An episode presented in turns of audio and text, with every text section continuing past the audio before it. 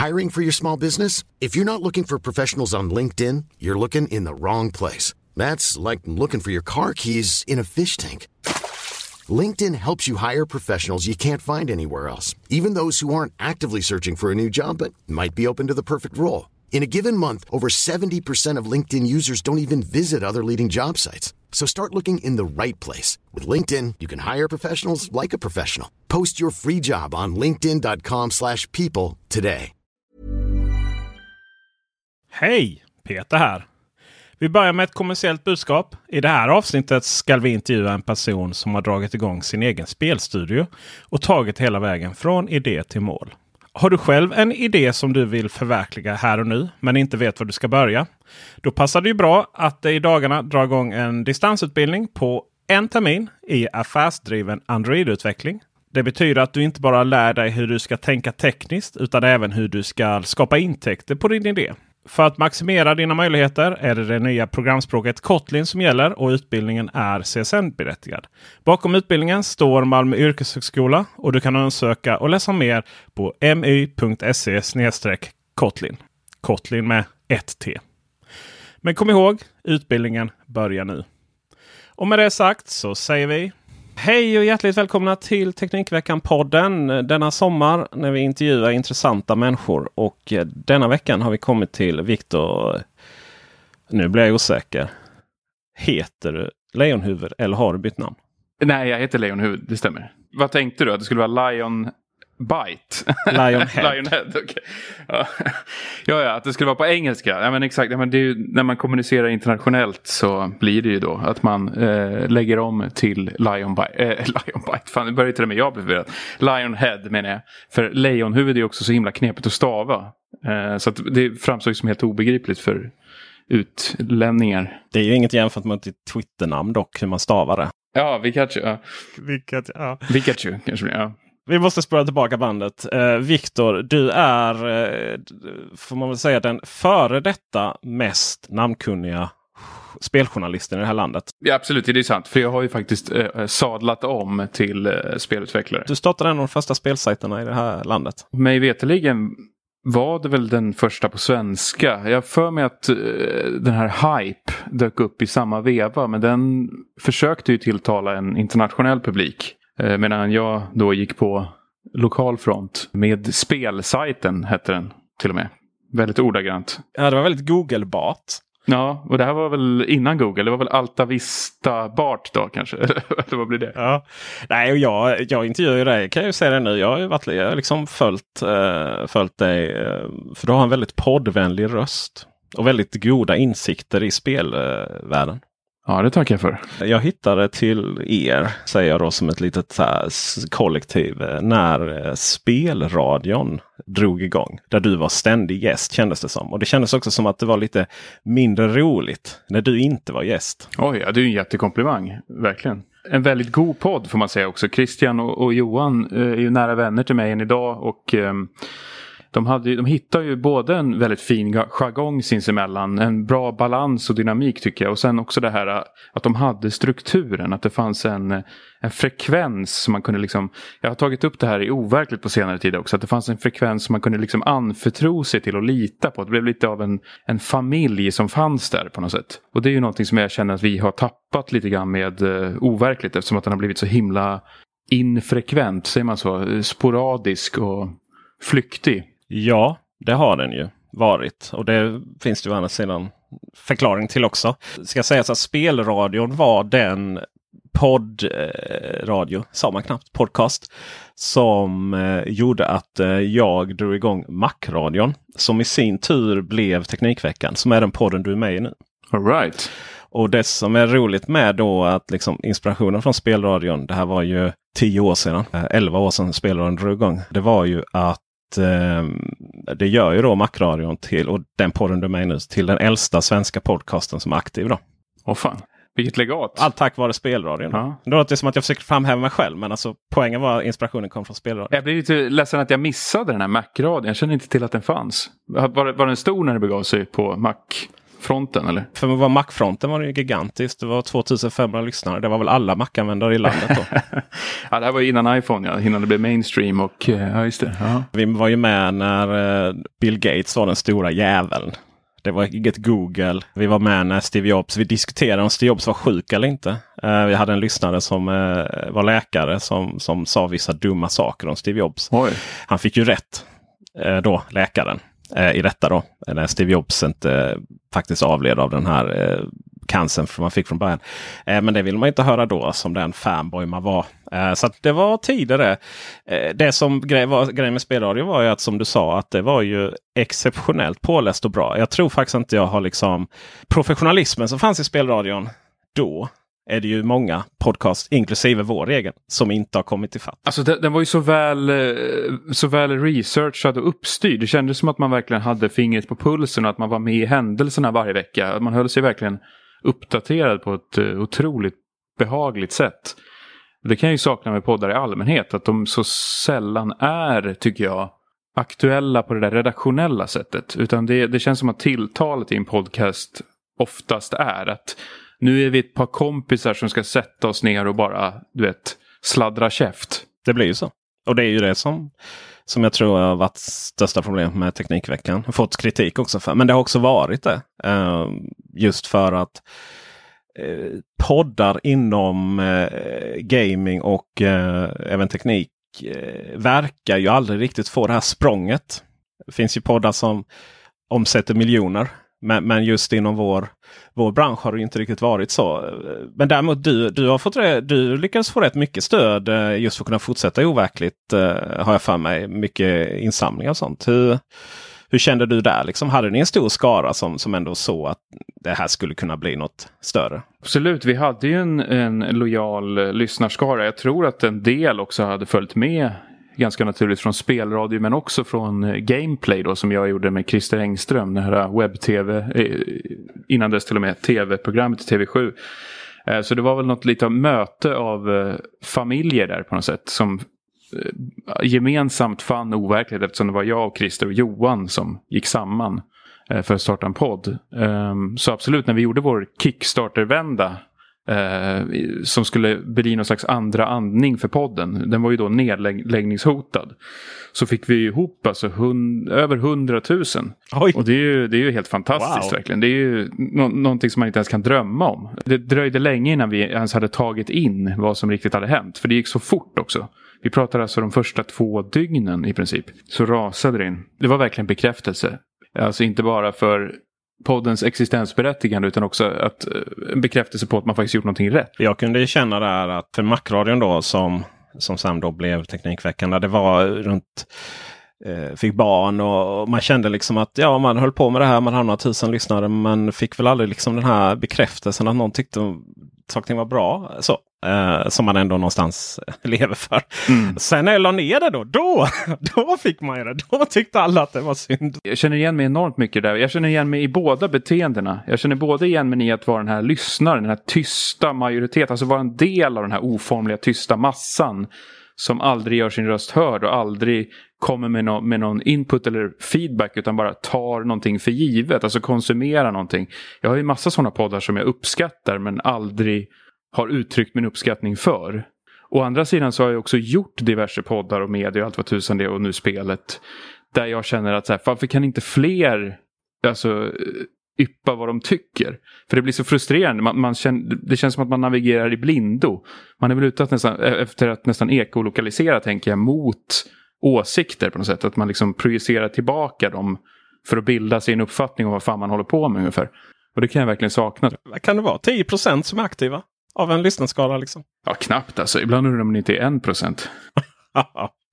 Men eh, du har också eh, spelradion och sen la den ner och så eh, overkligt eh, startade den. Men du gjorde också Petri Spel. Ja precis, den var ju däremellan. Till och med parallellt eh, under en period. Och den är ju egentligen den som vi har gjort allra mest ihärdigt och under mest professionella former. Den pågick i sju år i alla fall. Eh, alltså så länge jag hängde med på resan. Sen har den ju fortsatt och utvecklats och blivit någon slags kombo av eh, dokumentärpoddar och nyhetspoddar.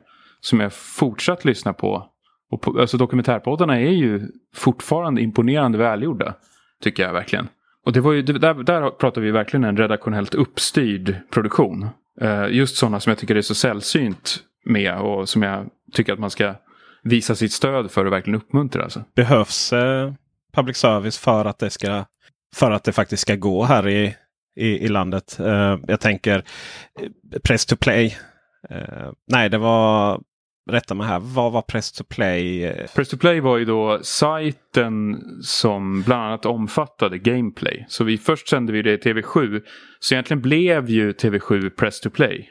Där vi också hade musik och lite film. I form av typ trailers och intervjuer och sånt. Med tanke då på P3 var det längst. Då. Så kommer jag tillbaka till frågan. Äh, krävs public service för att vi i lilla Sverige ska kunna jobba med eh, spelkultur och även teknik eh, på, på ett längre plan. Utan att det blir enskilda projekt och sen tar pengarna slut. Det finns ju inte en lyssnar och tittarkrets som är stor nog för att i teorin crowdfunda någonting. Det har ju overkligt bevisat eh, otvivelaktigt och vi hade ju ändå inte mest lyssnare. Vi hade säkert kunnat växa betydligt mer om vi hade varit bättre på att förvalta eh, det där. Eh, och det, det, kan jag ju verkligen ångra idag. Eh, som sagt att vi har tappat den där bollen lite grann. Så jag tror absolut att det går att göra utan public service. Sen är ju det en väldigt tacksam det är alltid ett tacksamt eh, understöd förstås. Så här, jag har väl också tappat lite bollar så jag vet ju mina anledningar. Hur, hur var det med overkligt? Det började ju eh, sticka iväg och eh, bli oregelbundet och opolitligt när vi alla tog på oss diverse tidskrävande jobb. Eh, alltså det, jo, Johan hamnade på toppjobb markn inom marknadsföring, Playstation och nu Avalanche. Eh, jag började med mitt spel som förstås var en riktig tidstjuv. Och med all rätt, jag ville ju också förkovra mig och fördjupa mig i det där fullständigt. Bara totalt förlora mig i det där projektet för att göra det absolut efter bästa förmåga. Då. Och sen så Måns som eh, började på Hazelight. Han gjorde ju Way Out med, med Josef Fares och sådär. Så att vi hade ju alla fullt upp. Eh, och Måns har ju berättat efteråt att han till och med blev utbränd. Och det där kan jag, jag kan känna igen de där symptomen verkligen. För det är ju lite därför vi har med det här idag. Du gick och startade en egen spelstudio. Det är ju jättemodigt. Jag minns ju just dina väldigt välgrundade åsikter om hur spel skulle vara och så vidare. Och, så, och sen att ta det från att faktiskt starta någonting själv. Hur, hur vågar man det? För mig har det ofta varit så att modet har egentligen eh, framförallt varit någon slags eh, entusiasm. Att man drivs mer av någon form av naiv entusiasm än någonting annat. Och utan att veta riktigt vad man ger sig in på så blir det som att man är lyckligt ovetande om hur stor utmaningen är. Och det, det, det kan jag ju förstå att många uppfattar som naivt. Men det kan ju också vara en, en styrka att man, att man vågar vara den där optimistiska, entusiastiska, kreativt lagda dåren på något sätt. Det har jag alltid haft, att jag vill gärna kasta mig rätt in i projekt eh, och, och, testa mina vingar. Hellre testa dem och, och misslyckas eller kraschlanda än att inte någonsin ha vågat prova så att säga. Och det är väl också det som har lett mig från ena punkten till andra till, till nästa och så vidare och framåt. Um, och jag, jag, med facit i hand, det är ju uppenbarligen så att inte allting har lyckats eh, och inte funkat och så. Men det har ändå varit kul och lärorikt och jag vet inte vad jag hade varit utan den egenskapen. Alltså då hade jag nog varit helt lost tror jag. Men du vaknade upp där en morgon och sa nu, nu gäller det. Nu startar jag. Var börjar man ens? Det kom en 30-årskris ska jag faktiskt vara ärlig att säga. jag trodde det där med, med, med ålderskris var myter och jag, jag drev ju själv med tanken fram till den punkt att jag vaknade upp som 30-åring och bara slogs av. Nej, men det var ju som en slägga i ansiktet mentalt. Att eh, vad fan håller jag på med? Var är jag? Vad har jag åstadkommit? Och då kände jag att jag vill göra någonting som, eh, något kreativt som faktiskt har någon slags varaktighet. Som är beständigt, som står, står sig mot tidens tand. För jag har väl upplevt eh, i spelmedia och som speljournalist och eh, frilansare och kritiker och så att allting har känts väldigt tillfälligt. Man producerar en massa, massa material som i alla fall jag gick in i till 110-200 procent och ville göra varje gång jag skrev en artikel ville jag att det skulle vara den bästa artikel jag någonsin hade skrivit. Och det kändes till slut lite motigt. För vi, om vi ska återknyta till just det här med att man inte riktigt blir sedd eller inte får feedback eller inte riktigt vet hur det tas emot. Så kände jag väl att jag navigerade väldigt mycket i mörker av att det här läggs ut, det publiceras, det försvinner. Och inte en enda röst har höjts kring det. Jag hade ett sånt moment häromdagen. OnePlus släppte en ny telefon. Jag tänkte den här eh, har en viss färg. Jag ska lägga den på ett visst sätt. Jag ska ta foton. Jag ska gå igenom historien bakom det här. Jag vill verkligen liksom att de som läser den här ska liksom få någonting till. Inte bara det här är en telefon. Liksom, mm. Bra och dåligt. Så. Väldigt stolt över artikeln.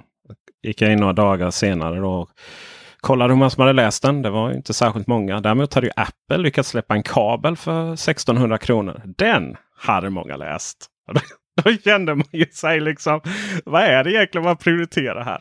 Jo, nej, men jag känner verkligen igen mig i det. Just i media är det ju också mycket så att folk är ju väldigt, eh, man agerar och jag, jag, tror att vi är likadana själva när vi läser andra sajter. Ärligt talat. Att man, man reagerar ju instinktivt med reptilhjärnan. Så här, vad är det man provoceras av? Vad är det man dras till? Och ibland kanske till och med att man inte orkar ta in någonting som är ambitiöst. Förstår du vad jag menar? Utan att man bara vill ha mm. någonting enkelt, okomplicerat. Helst någonting som man bara kan få sammanfattat i en rubrik. Och sen kan man gå till kommentarerna och se hur folk har reagerat på det ungefär. Ja, det var en dyr kabel onekligen. I textil. Men hur var det liksom att eh, ur, kändes det som att nu, nu går det över på andra sidan? Och likadant Fredrik Hallstan då. Jag gick ju också över från liksom, granskande till att vara... Jo, Johan tänker på. Det är roligt att du säger Fredrik Hallstan. För, för jag tror att det är PR-kontakten på Apple. Är det inte det? Två, två PR-kontakter tillbaka. okay. ja. Senast jag var i kontakt Jobbar med på Apple. Tele2 ja, nu. Okay. Då var det nog Fredrik Hallsten. Ja men Johan, precis. Ja exakt. Ja. Johan, förlåt. Förlåt Johan. Ja, ska inte upprepas. Alltså hur, hur gick tankarna där? Att du liksom, nu, nu går du från det granskande hållet till, till att vara de här spelstudiorna. Kanske inte riktigt lika stor som de största men ändå. Liksom. Alltså det har ju varit väldigt intressant att eh, just alltså, komma till insikt om saker första hand eh, som spelutvecklare har upplevt just från sitt perspektiv som man inte haft insikt och förståelse eh, för när man har jobbat som eh, kritiker och eh, skrivit om de här fenomenen. Eh, och det, det, är ju väldigt eh, lätt tycker jag att man som eh, spelkritiker eller journalist är snabb att paketera och avfärda och rama in och rubricera utan att riktigt ha den kompletta bilden och insikter. Jag tror att man som speljournalist gärna slipper insikter. Det är någonting med det här att så här, man vill förenkla världen. Man vill förtydliga, stoppa i fack, sätta taggar på och, och bara kasta ut det. Förstår du vad jag menar? Medan man som spelutvecklare eller kreativ skapande person kanske allt mer går mot det här nyanserade. Att man man börjar se helheten och man, det kanske också gör att man tappar den här udden. För jag menar som spelkritiker kan man ju vara dräpande kategorisk. Förstår du? Alltså så här svartvit nästan. Att man bara det här är...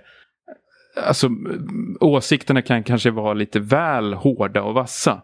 Men jag tänker att min känsla av eh, alltså, historiskt hur spelutvecklare har betett sig när jag intervjuat dem och träffat dem och eh, nu när jag själv mer eller mindre är det då.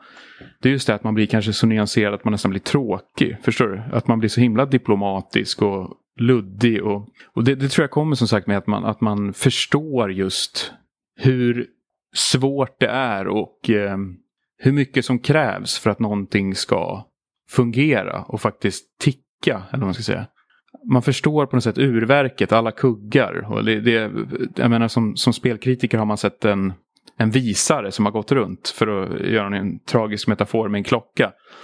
Men förstår du, nu, nu, nu, förstår man hur mycket arbete det handlar om för att få den där visaren att gå på något sätt. Har du ångrat några artiklar efter den här insikten? Har du tänkt tillbaka till någonting du agerat på? Bara, men herregud vad omoget då för att jag inte riktigt förstod hur det var bakom. Eller ska det spela någon roll egentligen? Ska, jag menar det är ju, det är ju det är en tråkig klocka hur avancerad den är. Om den inte går rätt så går den inte rätt. Nej absolut, det är helt sant. Alltså, det är ändå så att i slutändan så är man ju någon form av konsumentupplysare som kritiker. Så om man inte kan sätta sig in i hur en genomsnittlig spelare skulle ta emot ett spel då tappar man ju också kanske lite sin funktion. Eh, så att absolut, det är klart att det förenklade gör väl också att man kanske mer kan relatera till gemene spelare liksom på ett sätt. Men det är ju samtidigt saker som man inte förstår som man spekulerar kring kan jag tycka som absolut har efteråt kanske känts lite skämmiga att påminnas om. Nu finns ju Gameplay till exempel, den här långköraren som jag gjorde med Christer i webb-tv-form. Den finns ju nu, alltså den, den arkiveras sakta men säkert av ett av våra Gameplay-fans. Otroligt ambitiöst. Så han lägger då ut avsnitt för avsnitt på nästan daglig basis på YouTube. Då. Just det, det är den som heter uh, Gameplay. Gameplay Press to Play någonting, eh, kanalen. När jag har tittat tillbaka själv för att se, göra lite så här stickprov och se vad jag sa och tyckte och hur jag betedde mig och sådär. Då kan jag ju verkligen slås av i, i stunder liksom att här saknades det kanske insikt eh, och förståelse för vad orsakerna till den här åsikten kanske egentligen var. Eller alltså varför spelet ser ut som det gör. Det finns ju en väldigt enkel förklaring till de allra flesta eh, brister med spel. Och det är ju det här med tidsaspekten eh, av dem. Det vill säga en produktion är ju så hårt ansatt av tid. Att eh, när jag i recensioner kanske har frågat mig så här. Hur i helvete kunde man ta det här beslutet? Hur kunde man släppa spelet i det här skicket? Hur kunde det här ens fungera som det gör eller inte fungera och så vidare. Då är ju svaret oftast brist på tid. Alltså i princip. Eller bara i planering ett sätt att försöka handskas med tiden. Jag sitter just nu och funderar på om du efter all den erfarenheten kunde sitta och säga Ja, Bioware, Anthem kanske inte var så dåligt ändå. jag har inte spelat Anthem själv, men jag har inte heller lockats av det där upplägget riktigt. Men, men absolut, men där, där har det också blivit ganska tydligt. Det har, ju, det har ju läckt så mycket uppgifter också från Bioware så att de flesta kanske är medvetna om och har lite insyn i att det var en väldigt problemdrabbad produktion så att säga. Men det finns ju så många produktioner som vi har noll insyn i. Där det också har varit en enorm cirkus. Men det kommer vi aldrig att få klarhet i. För att det pågick i gallerierna så att säga. Det verkar ju vara eh, stundtals en historik av ganska eh, ohumanistiska eh, arbetsförhållanden på de amerikanska spelbolagen. Det är inte bara Bioware vi har fått de rapporterna ifrån. Vi har fått det från Epic med Fortnite. Vi har fått det från andra också. Så att eh, det är kanske ett större problem än bara spelbranschen så att säga. Jag tror att, det, jag tror att det där slår lite åt två håll också. För att vara återigen diplomatisk då, så tror jag att det finns minst lika många fall där man som spelutvecklare har så många förmåner och, och det är så väl ställt. Att det här är ju väldigt kontroversiellt att säga på något sätt. Men att eh, man kanske ibland blir lite för bekväm och sen så slår det då tillbaka. Det, det, det, var ju lite så som det gick till som jag förstod med Bioware till exempel. Då, att de spenderade enormt lång tid i förproduktion. Tog sig all tid de behövde. Tog det så många varv som de ens, eh, ja, bortom vad som är rimligt helt enkelt. Och sen då när de insåg att helvete, vi måste ju leverera snart. Det här har kostat alldeles för mycket och det har tagit alldeles för lång tid. Då lägger man in någon slags panik eh, över eh, växel eller overdrive. Och då så blir det trafikstockning och allting bara snubblar huvudstupa ovanpå i en slags huller om buller. Det finns ju två aspekter, eller två sidor av det myntet. Att det kanske också handlar om att från början tajta till det och ha lite mer disciplin. Så, så kan man också slippa den här totala paniken mot slutet av en produktion. Det kan jag nog känna att vi kanske, även om Lionbite verkligen inte är ett skräckexempel på något sätt så kan jag väl känna personligen att vi kanske tog oss lite för mycket tid med vissa aspekter. Som man med lite erfarenhet och med facit i hand hade kunnat ta genvägar igenom, bespara sig, sköta på snyggare sätt. Rain Off Reflections eh, del 1 ska sägas. Släpptes 4 eh, oktober 2019. När startade du igång med spelet? Ni ska sägas. Alltså jag startade ju företaget i slutet av 2014. Eh, och då var vi tre personer eh, i princip då. Vi hade en 3D-grafiker som satt och testade sig fram med olika grafiska stilar.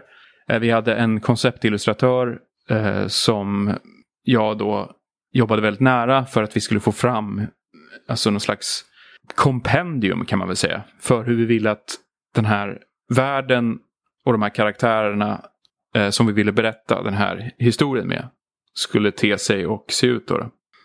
Um, och där menar jag som sagt att vi tog ganska generöst med tid på oss. Och då, men då var vi också få. Uh, som sagt, vi var ju väldigt få. Uh, jag ville ju ta det i en takt som jag kunde hantera i egenskap av att vara helt grön. och ändå att jag hade tagit på mig någonting som, som var så pass ambitiöst. För jag ville ju göra ett spel som jag själv hade velat spela. Uh, så det krävde ju ett antal lager som jag ville utforska och förändra. Alltså aspekter av spel som jag ville göra annorlunda helt enkelt. Och det där, det där växte ju med projektet eh, från kanske att ha varit rätt sparsmakat eh, när vi nästan tänkte ja, men något ganska rättframt, lite mer så här top-down eh, med väldigt simpla strider. Eh, och sen så växte det där till att det blev fullfjädrade turordningsbaserade strategiska element, alltså som flörtar med XCOM och har ett helt unikt motivationssystem som bygger på att det ska vara karaktärscentrerade konsekvenser i striderna. Eh, och dialogsystemet som från början var väldigt rättframt och okomplicerat det blev ju i slutändan att man skulle ha input på varenda enskild replik som den egna karaktären överhuvudtaget yppar under hela spelet. Och varenda input ger ju någon form av påverkan eller respons. Så det blev ju ett helt bisarrt manuspussel. Och sen ovanpå det också med första karaktären och Vilona som man spelar i första kapitlet. Så ville vi liksom skapa variation med ett antal olika hackingmoment. Och de här eh, hackingmomenten var från början bara tryck på en ikon så hackar hon det här systemet. Men med det färdiga spelet som nu finns ute så är det ju tre fullfjädrade olika system som man liksom ägnar sig åt. Det är ett som vi kallar för breach där man ska eh, i turordning Eh, som eh, kalkylera momentum för en sfär som rullar fram över ett bräde. Eh, vi har ett som är att man ska vända och vrida på en form och passa in den för att eh, eh liksom skala bort lager och komma åt kärnan. Och sen har vi då tredje som är att man ska ja, men praktiskt taget ekolokalisera. Man ska leta efter källan till ett ljud. Så alla de här tre var ju i sig små egna spelprojekt. Det som jag funderar på när jag spelade det är ju hur... Alltså jag vi pratade om utbrändhetssymptom innan. Bara analysera hur den spelutvecklingen gick till får ju mig och bara hur håller man, alltså just alla dialoger som du sa. Det, liksom. Hur är det möjligt att hålla koll på allt detta? Jag tänker man måste vara, man måste vara en viss speciell typ av människa som organiserar upp det. Absolut, jag fick lära mig den hårda vägen också. Det är ju jag som har hållit ihop allt det här med diverse spreadsheets. Alltså jag kan säga att när jag gick in i spelutveckling då hade jag väl jag hade nog aldrig kunnat föreställa mig hur mycket planering och um, tidspusslande och framförallt spreadsheets, alltså sådana här kalkylark som det skulle kräva. Uh, och det var så pass att um, jag um, till slut älskade det här. Så att jag har ju i princip efter då, efter uh, den här processen så har jag liksom lagt om mitt liv till att vara i spreadsheets i princip. Så så fort jag kommer på någonting som jag skulle vilja göra då eh, dröjer det inte länge förrän jag har ett kalkylark framför mig. Du vet, så det har jag organiserat upp allting. Så jag har ju liksom formats efter projektet lika mycket. Men det har ju varit en, ett riktigt jävla eldprov också. Jag har ju fan, alltså jag vet inte om du känner till det här men eh, det var en, en och annan artikel som man, såg en bild, som man såg bilder på mig då när jag hade tappat hår. Eh, för att mot slutet av produktionen så var jag så stressad och hade så, så mycket att jonglera. Eh, och var så pressad att leverera på alla löften och allt som vi hade byggt upp. Att jag då tappade alltså hår i testar. Så det var ju så här stora eh, öppna fläckar över hela huvudet. Eh, det var lite läskigt faktiskt. För då tänkte jag nu är det fan på upphällningen här. Nu kommer jag klappa ihop som väsen. Fick du tillbaka håret? Efter det att vi hade skeppat eh, på Steam så dröjde det inte länge faktiskt förrän det började komma tillbaka. Och nu är jag faktiskt fullfjädrat, säger man så? nu är hela kalufsen tillbaka. Utan alltså en, eh, ett spår av att jag hade tappat håret. Så att, eh, det var ju uppenbarligen den här processen. Det är bra gener. Jag har inget hår eh, och jag vet inte om jag varit så stressad. Så att det är liksom, jag kan inte skylla på det. Så. Even when we're on a budget we still deserve nice things. Quince is a place to scoop up stunning high-end goods for 50 to 80% less than similar brands. They have buttery soft cashmere sweaters starting at $50, luxurious Italian leather bags, and so much more. Plus, Quince only works with factories that use safe, ethical, and responsible manufacturing. Get the high-end goods you'll love without the high price tag with Quince. Go to quince.com/style for free shipping and 365-day returns. I'm Sandra, and I'm just the professional your small business was looking for. But you didn't hire me because you didn't use LinkedIn Jobs. LinkedIn has professionals you can't find anywhere else, including those who aren't actively looking for a new job but might be open to the perfect role, like me. In a given month, over 70% of LinkedIn users don't visit other leading job sites. So if you're not looking on LinkedIn, you'll miss out on great candidates like Sandra. Start hiring professionals like a professional. Post your free job on linkedin.com/people today. As humans, we're naturally driven by the search for better. But when it comes to hiring, the best way to search for a candidate isn't to search at all. Don't search, match with Indeed. When I was looking to hire someone, it was so slow and overwhelming. I wish I had used Indeed. If you need to hire, you need Indeed. Indeed is your matching and hiring platform with over 350 million global monthly visitors, according to Indeed data, and a matching engine that helps you find quality candidates fast. Ditch the busy work. Use Indeed for scheduling, screening, and messaging so you can connect with candidates faster. And Indeed doesn't just help you hire faster. 93% of employers agree Indeed delivers the highest quality matches compared to other job sites, according to a recent Indeed survey. And listeners of this show will get a $75 sponsored job credit to get your jobs more visibility at Indeed.com slash podcast. That's Indeed.com slash podcast. Terms and conditions apply.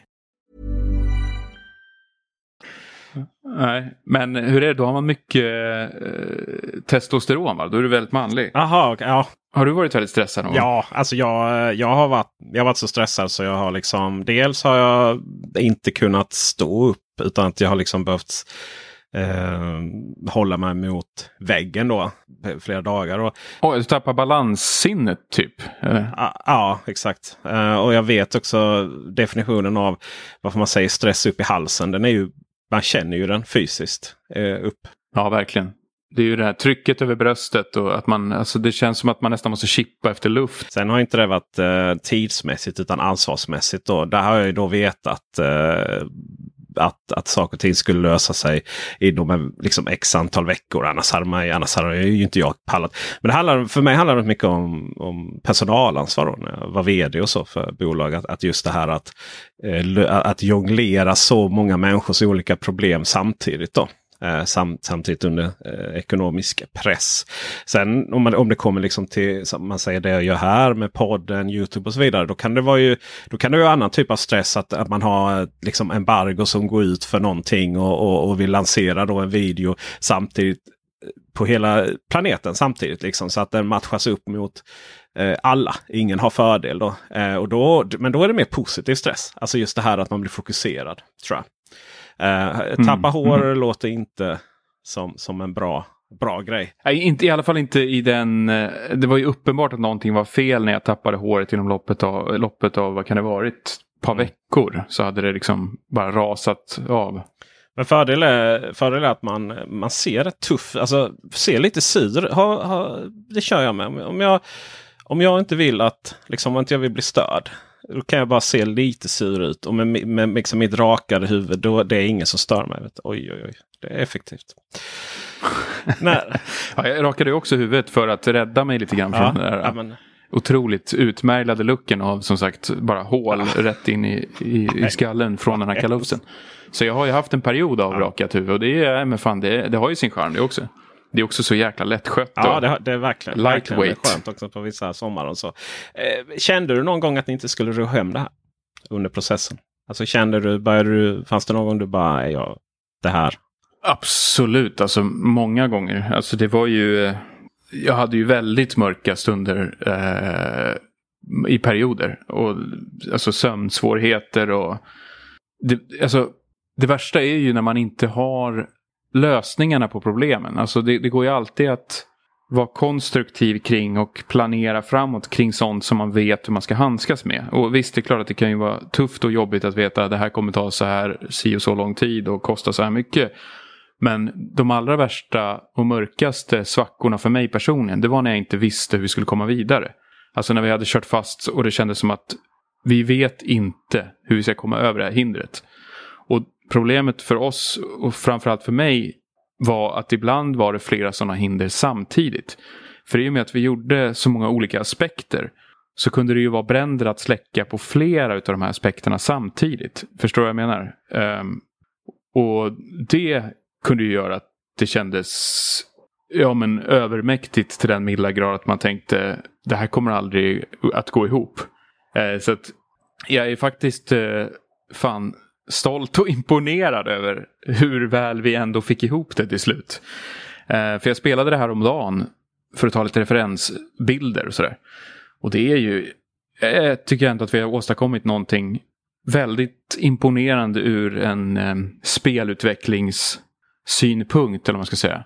Med tanke på hur begränsade resurser vi har haft och hur få vi har varit och sådär. Du känner ju Josef Fares. Har varit med i intervjuat honom och sådär. Känner du någon gång en sund avundsjuka på alla hans resurser? Eh, han, han utvecklade ändå ju under som fristående under EA Games. Jag har ju definitivt känt avundsjuka men, men det är ju också för att de har gått från klarhet till klarhet. Eh, alltså, jag har ju brottats med utmaningar i detalj som har varit extremt komplexa system. Eh, där man kanske hade kunnat gå mer åt ett, någon slags tydligt övergripande som, som Josef alltid har varit bra på. Han har ju alltid haft en övergripande klarhet konceptuellt i att det här är det vi vill säga, det här är budskapet, det här är resan. Medan jag har varit inne och pillat i detaljer. Jag är ju besatt av detaljer och det till en, eh, till en osund eh, nivågräns, eller vad man ska säga. Där jag tror att väldigt få ens kommer att notera de här detaljerna som jag kan bli besatt av. Förstår du vad jag menar? Så det har jag ju fått lära mig den hårda vägen och, och behövt jobba med. Att eh, ibland är det, berätt, är det bättre att använda den breda penseln. Och framförallt att ha helhetsbilden klar för sig först. Medan jag kanske var mer att jag snöade in på detaljerna först och sen så lät jag detaljerna bygga en helhetsbild som var oklar. Förstår du? Det, det var inte en bra startpunkt för det blev att man hoppade i djupa änden av poolen istället för att du vet, springa ut från rätt håll och i, inte få sig en kallsup utan faktiskt kunna simma när man kommer ut i vattnet. Liksom. eh, spelet i sig är ju en kombination då av, eh, om, om, man ska göra väldigt lätt för sig, eh, klicka, peka, klicka spel och eh, turnbaserat.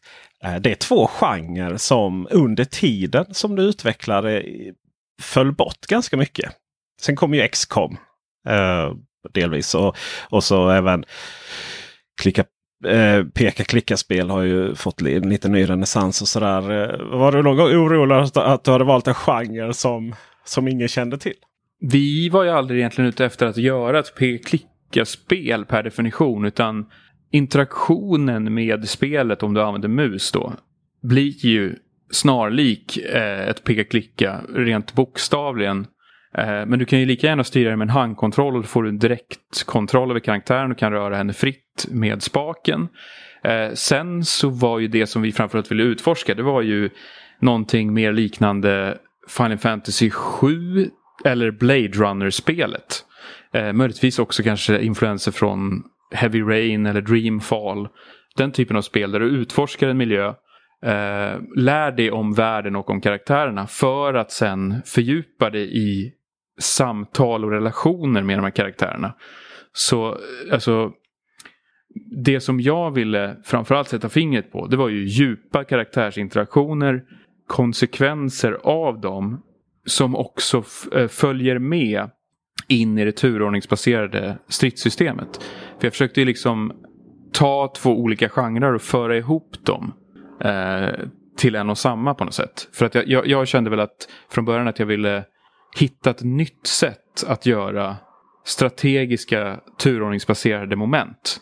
Och att jag bara gång efter annan har fyllts av frustration över hur de alltid påminner mig så mycket om sådana här jävla, alltså du vet brädspel där man bara har tur. Man kastar en tärning och så bara, ja ah, jag träffade. Jaha, men det var väl ingen strategisk skicklighet i det. Så att jag ville göra någonting som var verkligen ett till ett i sin exakthet. Av att så här, och det är exakt så, jag vet inte mycket hur du har spelat av det, men det är exakt så som stridssystemet är utformat. För att visst, det börjar med att du får lära dig liksom att styra karaktären och då har vi ju stealth då. Alltså då ska du ju bara undvika blickar och lära dig hantera hur finerna, eh, hur fiendernas sinnen funkar. Men sen kommer du då till ett tempel där du faktiskt får eh, engagera dig i en shootout mot en fiende som är väldigt eh, aggressiv och eh, beskjuter Eh, den här miljön, skjuter sönder den och skjuter sönder dina covers. Du måste röra dig och förflytta dig och allt vad det är. Och då är ju allting extremt exakt. För att då handlar det om att du ska titta på, alltså och beräkna. Om jag skjuter sönder det här, eh, den här strategiska punkten för att blottlägga honom. Vad gör han då? Vart kommer han förflytta sig? Alltså räkna ut eh, framåt hur man ska handskas med en fiende. Och också att de blir påverkade av alla dessa eh, saker som nödvändigtvis då inte är kopplade till deras hälsa. Alltså det är inte så att du behöver pricka dem i skallen och så får de ett eh, bortfall av HP som du sen ska nöta ner. Utan istället handlar det om att när du beskjuter miljön och när du kastar ur dig eh, hot och gliringar och eh, repliker och allt vad tusan det är så kommer de att påverka din fiende. Eh, och det här är någonting som jag känner att kanske vissa har missat djupet av. Att eh, alltså tanken är att du ska bete dig i de här striderna som du skulle gjort i verkligheten. Och det vi märkte när vi gjorde tester med spelet var att så fort spelaren slutar tänka på det som ett brädspel, slutar tänka på det som en kopia på XCOM och börjar tänka vad hade jag gjort? Då klickar det. Om man får vara lite elak då är ju nästa fråga. Är det spelarna som inte förstår eller är det ni som inte har förklarat? Alltså vi, vi förklarar ju, vi anstränger oss för att förklara i diverse sådana här pop-up-rutor i slutändan. Vi ville ju inte gärna ha det men i sista minuten så slängde vi in det för vi tänkte så här, vad fan det skadar väl inte. Man får trycka bort dem om man inte orkar läsa. Och man, man ska såklart få spela det som man vill. Men jag tror att det vi inte hade räknat med var att så många skulle komma med ett bagage av erfarenheten av andra spel. Utan vi tänkte väl så här, ja, men man går in i det här med ett fräscht sinne och tänker coolt, nytt. Men det är väl klart, alltså i slutändan med facit i hand, att vi borde ha tänkt mer på att man ser någonting, man registrerar det och man kategoriserar det som man hade gjort som spelkritiker. Och det är ju precis det spelkritikerna har gjort också. De har ju liksom kallat det här för ett stealth-spel bara. Man bara, vänta nu, det handlar ju om hur du spelar det. Om du vill spela det som ett stealth-spel, gör det. Men det betyder inte att det är det. Enligt dig, hur har det mottagits? Vi, vi tangerar lite här på att det finns en viss ah, eh, definition då som ni inte håller med om. Men, men hur kändes det när det kom ut? Hur var de dagarna? Nej, men det var jättespännande att se folks reaktioner. Särskilt om man har gjort någonting så länge så blir det ju verkligen som sagt ketchup-effekt. Eh, och total urladdning, katarsis. Eh, sen är det klart att man har ju också byggt upp förväntningar. Eh, man hoppas ju såklart att det som man har lagt så mycket kärlek och tid på också ska uppmärksammas för den kärleken och den tiden man har lagt på något sätt. Och i det avseendet så kan jag väl känna att det är en hel del som inte har riktigt fått den fokus och den uppmärksamhet som vi hade ja, men nästan förtjänat om man ska vara ärlig på ett sätt. Men det är klart att i slutändan så är det ju alltid vårt ansvar och vårt fel om vi inte har lyckats kommunicera det eller om det inte har Alltså om den bilden inte har kommit fram och så vidare. Det är ju uppenbarligen någonting som vi har gjort då som vi behöver jobba med och som vi behöver liksom tänka omkring. Och det har vi ju verkligen gått tillbaka till ritbordet och funderat på med eh, andra kapitlet. Vi hade ju såklart en postmortem eh, och satte oss ner och liksom hur tar vi det vidare? Alltså hur, hur tar vi de bästa? Hur cherrypickar vi kapitel 1? Och tar det bästa av det gameplayet för, och, och förvaltar det för kapitel 2. Alltså jag har ju alltid haft en bild av exakt vad det är för historia jag vill berätta och vilken karaktär vi ska fokusera på och området som det ska utspela sig i, eller områdena. Och vissa sådana här större beats som man kallar det, alltså nedslag i storyn. Men i övrigt så vill vi ju såklart ändå ta input och titta på hur gör vi det här ännu bättre så att säga. Var du någon gång orolig att det inte skulle bli en del två? Nej, verkligen. Alltså, men jag är ju jag är också en väldigt orolig person. jag är ju orolig för allt stort och smått hela jävla tiden. Och eh, det gör ju också att jag väldigt ofta sover väldigt dåligt. Men ja, nej, men det är ju fortfarande så faktiskt att vi är ju inte vi är inte i mål med kapitel två. Och vi är ju, det är ju ett skört eh, eh, skede. Vi har ju också påverkats av omständigheterna ska jag säga med hela den här covid-pandemin. På så sätt att liksom, ja men man märker ju att så här, finansiärer håller hårdare i pengarna och folk drar öronen åt sig. Alla blir lite mer så här reserverade och tänker mer på sitt och det är jag full respekt för. För så tänker jag ju själv också. Um, så att det är ju ingenting som är helt säkert för fortsättningen tyvärr. Uh, som det ser ut. Men, men uh, förhoppningsvis om det går som det är tänkt och, och som uh, vi har planerat att det ska. Så, så har vi ju något väldigt, väldigt bra och spännande och lovande. Både kapitel 2 och 3 ska jag säga. För det finns så mycket redan som, som är så pass bra och spännande. Att eh, det vore ju för mig personligen alltså, fruktansvärt om jag inte fick chansen att göra det. Får vi verkligen hoppas. Eh, en sak som fascinerar mig är det faktumet att eh, jag skulle säga att spelmusiken här, framförallt två låtar, eh, introt och även det liksom officiella soundtracket Into the Night. Det kanske är en av de bästa spelmusiken som någonsin har producerats. Hur lyckas en liten spelstudio i Stockholm med det? Tack så hemskt mycket för de fina orden. Eh, det är ju i, faktiskt i flera led som det här har gått till. Eh, för det börjar ju då med att du vet spelradions Christian Johansson. Eh, han var ju en fena på musik redan när det begav sig med spelradion. Alltså han satt ju och knåpade för sig själv på små mästerverk som han aldrig riktigt vågade släppa ifrån sig. Jag vet att det finns en och annan indieproduktion där ute, typ Day Breed Bland annat som är någon sån här, man är någon, är man någon groda eller något sånt där? Jag kommer inte ihåg, jag har inte spelat det själv.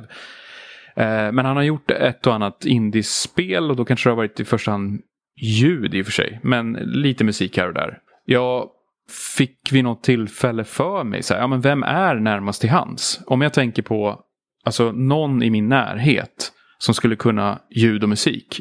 Alltså när jag då började fundera på hur jag skulle realisera, sätta den här tanken kring mitt spel då i eh, rörelse. Så han var ju närmast till hans att tillfråga och han var väldigt tidig alltså med att ta fram eh, diverse skisser på musik som skulle kunna passa den här världen och eh, premissen och eh, tilltalet och tonen och sådär. Och han var också så väldigt eh, kreativt eh, produktiv under den här inledande fasen. Så han fick ur sig en massa, eh, det är väl säkert så också att jag pressade honom stackaren rätt hårt liksom med feedback. Och jag var ju så jäkla, du vet, jag brann så, så mycket för det så att jag plågade väl honom hela tiden med meddelanden och feedback och allt vad tusan det var. Liksom. Men det kom i alla fall ut en väldans massa bra skisser och utkast på musik under den här perioden. Och de, de styckena var liksom med oss eh, under praktiskt taget hela produktionen. Och bland annat det här temat som du pratar om, introlåten, alltså Vilonas eh, tema. Det är ju då skrivet av Christian och det var, ett, det var en av de första låtarna han eh, skrev. Så där har vi verkligen gått från klarhet till klarhet. För sen då när Jonathan Järpehag tog över, som är då alltså etablerad eh, film och tv-seriekompositör. Då kunde han liksom förvalta och återigen cherrypicka det bästa av det Christian hade lagt grunden för. Och sen skjuta till all, alla sina egna kvaliteter och begåvningar. Och därtill har ju han skrivit enormt mycket egen musik också ska jag säga till det här soundtracket. Uh, Into the Night för övrigt, det är alltså hans flickvän då, Paulina Palmgren. Som både har skrivit och sjunger den låten. Så där var det också bara så här, vi hade så jäkla mycket flyt och, och tur och självklart mycket skicklighet. Men planeterna stod verkligen i linje med soundtracket. För det var, det var så här, du vet, det ena mästerverket efter det andra. Det, det är så sjukt med, med just det också för att alltså med de här första releaserna för kapitel 1. Då har man bara hört alltså, toppen av isberget. Det är bara en liten bråkdel av hur mycket bra musik det finns. Alltså jag kan gräva fram från hårdisken nu kapitel 2, kapitel 3 och allt vad tusan det är. Alltså musik som är så bra som man typ man blir helt knäckt alltså. Som, är, som fortfarande är osläppt och oupplevd. Världen måste få veta liksom. Eller få lyssna. Ja, verkligen. Ja. om inte annat så måste vi få göra soundtracken. Även om det inte blir några spel. Nej, men det är klart, det går ju intimt hand i hand. Men, men eh, alltså, det är så starkt på den punkten och det, det är kul och häftigt. Vi blev ju också nominerade där i Nordic Game Awards mm. eh, för bästa ljud. Med all rätt. Vi ska gå mot avslut här men jag vill liksom ha din eh, kloka åsikt i framtiden. Det här är ju någonting ni säkert hade diskuterat overkligt om, om den var aktiv. Eh, kommer vi spela på PC? Kommer vi spela på konsoler? Eller kommer vi spela allting i molnet inom låt säga en treårsperiod? Vad tror du där? Vad säger du om Stadia? Alltså inom en treårsperiod, det är ju väldigt, väldigt kort, eh, kort horisont på det. Stadia skulle, överlever ju inte i tre år om inte det liksom kommer igång. Nej, det ser ju väldigt mörkt ut för Stadia. Alltså jag tror väl, nu vet jag att Nvidia försöker ju sig på något liknande och det har väl varit lite mer framgångsrikt och framförallt mer väl hanterat och skött eh, från Nvidias sida än från Googles. Det kanske var lite för Google som det var för mig och spelprojektet att de gick in i det naiva på något sätt. Alltså så här, de, de har vissa kunskaper som de tänker att de vill bidra med som är unika. Men de har ingen förståelse för och insikt i hur spelbranschen funkar. Så det tror jag väl var första missen de gjorde där. Som de har försökt kompensera för sedan dess. De har ju anlitat expert, eh, experter från Ubisoft bland annat där. Eh, tillsatte ju, vad är det hon heter nu då? Nu undflyr hennes namn mig, men de tillsatte ju henne som någon slags Google Stadia-chef i alla fall. Jade eh, Raymond. Precis, hon var ju eh, ansvarig för Assassin's Creed i synnerhet va? Just det. Men, men i alla fall, det jag skulle komma till var väl att jag, jag, tror att ett av de stora problemen som vi inte kommer ifrån och särskilt inte kommer ifrån, men jag, och särskilt inte på tre år, det är ju de här tekniska barriärerna. Alltså hur hanterar man, eh, vad ska man säga, infrastrukturen? Det finns liksom inte ett tillräckligt stort intresse för folk att spela utan konsoler och, och, och datorer och hårdvara. För att det ska vara hållbart med en sån extremt ambitiös infrastruktur som kräver så extremt mycket också av eh, alla de här anhalterna. Alltså det är ju inte nog med att du ska ha fantastiska molnservrar, du ska ha fantastiska anslutningar på alla jävla ändar. Eh, det får inte vara någon lagg någonstans på vägen. Och sen har du också ovanpå det input lag från spelarens kontroll tillbaka. Alltså det, det är ju en slags utopi som förr eller senare garanterat kommer att bli aktuell. Men det känns inte som att det kommer att funka idag. Alltså det, det är en framtidsteknologi. Och en grej som jag har funderat kring och spekulerat kring som jag inte har fått några riktiga svar på. Det är väl hur fan går det ens runt? Alltså för att ska du göra den här grejen då måste du väl gå mot en Netflix-modell typ. Alltså du måste väl göra det som eh, eh, Microsoft gör med Xbox och PC Game Pass. Alltså att du får en katalog som du bara kan förkovra dig i direkt. Annars finns det ingen riktig poäng med det här omedelbara. Att du bara kan hoppa rätt in i ett spel och sådär. Men samtidigt så är, tror jag att det är så pass dyrt om man räknar per klient. Att hålla sån, en sån här infrastruktur. För du måste ju ha liksom en fullgod hårdvara tillgänglig för alla spelare vid varje givet tillfälle när de vill spela. Det är, det är ju ett system som kräver att du har många användare som inte spelar nästan. För att det här ska vara ekonomiskt gångbart ens. Om man tänker grafikkorten i de där serverhallarna. De, måste ju, alltså de har ju samma beräkningskraft som i våra datorer. Eh, och eh, jag menar skicka ut 4K i 60 Hz är ju inte... Det är det jag menar. Det är, jag får inte den ekvationen att gå ihop. Och det, det får mig att tänka att troligtvis så är det väl så att Google har inte de skulle inte mäkta med om de gick mot en sån här Game Pass-modell. För de har inte infrastrukturen för att det ska vara alltså, ekonomiskt gynnsamt för dem. Och det gör ju att då kommer de sitta fast med det här upplägget där man ska betala 600 spänn upfront för att få tillgång till ett spel som man inte ens äger. I princip. Och det, det, det gör att jag, min, min känsla är att jag tror att Google Stadia kommer att försvinna tyst ut i mörkret. Som så många Google-tjänster. Det jag gillar med Stadia. Jag ska säga så att jag gillar ju Anthem. Jag gillar ju Stadia. Det är ju, jag hamnar ju alltid i den liksom, fåran. Men eh, det jag gillar är ju att eh, jag kan sitta hemma vid tvn, köra lite Destiny 2 och sen så kan jag mitt i videoredigering trött dra igång Chrome på datorn. Mm. Men, men, men det kommer du kunna, det kommer du få med Xcloud också som Microsoft håller på att experimentera med där. Så jag tror att om det är något som är mm. lite mer lå, lågt hängande frukt så är det ju för Microsoft att ta tag i att flytta Game Pass och föra ihop det med Xcloud och sådär. Det kanske är gångbart. Särskilt om de anropar Xbox-konsoler som väldigt tanken lite grann. Jag har inte utforskat Xcloud så mycket. Men i alla fall som sagt, det känns ju mer som ett paket, en paketerad lösning som man faktiskt kan göra pengar på på något sätt. Men det är ju fortfarande en, eh, en modell som, är, som kommer påverka tror jag, utvecklarna och vad de har kapacitet att göra. Liksom. För det blir väl lätt i en sån här modell att alltså, man kanske måste du vet, proppa in mikrotransaktioner och ha sig. Ja, usch. Men för dig, så som du utvecklas, så är det alltså Steam som är det mest självklara. För det är också där vi hittar spelet. Ja, alltså det var, Steam var ju det, det självklara när vi startade projektet. Sen så har ju eh, klimatet förändrats. Jag tror ju fortfarande att eh, Rain of Reflections är mest kompatibelt med en Steam-publik. Men samtidigt så är ju spelet designat för att vara väldigt casual i det att du ska kunna liksom styra det i din takt. Allting är turordningsbaserat, all input är turordningsbaserad. Spelet väntar hela tiden på din input. Eh, och det är fullt designat för handkontroll. Så jag menar i teorin skulle det funka ypperligt för konsoler. Så det skulle vi gärna också göra. Har, har du några tips till någon som vill dra igång? Eller mer än nej, gör inte det.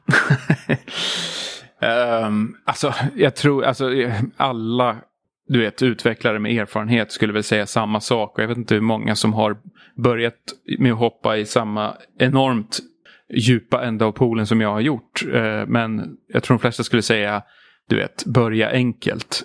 Uh, ta något hanterbart från början. Och skala upp på, alltså, enligt en hanterbar trappstegsmodell och då över flera projekt. För då, då minimerar det, är en klassisk riskminimering, det är eh, time management och allt det där. Liksom gör du saker timeboxade brukar man säga mycket i planering. Så kommer det också lättare att faktiskt genomföra saker. För det är ju lätt att, jag har ju periodvis under det här projektet liksom som sagt kört fast i den milligrad. Jag tänker, hur fan ska vi komma vidare? Sen har jag på ren jävla vilja brute forceat oss i mål och även många andra på teamet har också varit otroligt eh, envisa och tjurskalliga på ett fantastiskt sätt. Men det ska man ju kanske helst bespara sig. Alltså det är väl bättre om man gör någonting som man vet från början är hanterbart. Och hellre då kanske kunna vara, alltså göra någonting väldigt välgjort kvalitativt. Som har ett mycket mindre scope. Och som sagt, det, det skulle väl vilken spelutvecklare kunna, eh, vilken spelutvecklare som helst säga. Och jag har lärt mig det, den, den hårda vägen. Samtidigt så är det ju så att alltså, jag ångrar ju ingenting. För att jag, jag tycker att det här, eh, den här skolan har ju varit helt unik. Alltså att göra det här spelet, gå i mål med det, med alla de aspekter som vi har lyckats leverera på. Det är ju fan väldigt sällsynt alltså. Um, så jag är ändå tacksam för alla erfarenheter och att, för att jag fick tillbaka håret. Tack för det Victor Lejonhuvud. Uh, Rain of Reflections hittar ni på Steam för högst rimliga dryga hundralappen.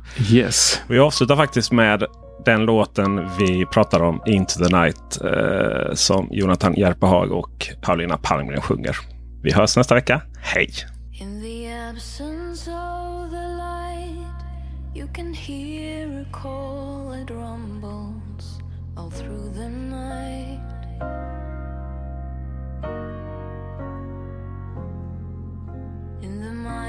storms around you, in the shadows, in the darkest nights, a rising star above you, calling you and telling you to come. come into the night and see they're burning and they're pleading for joy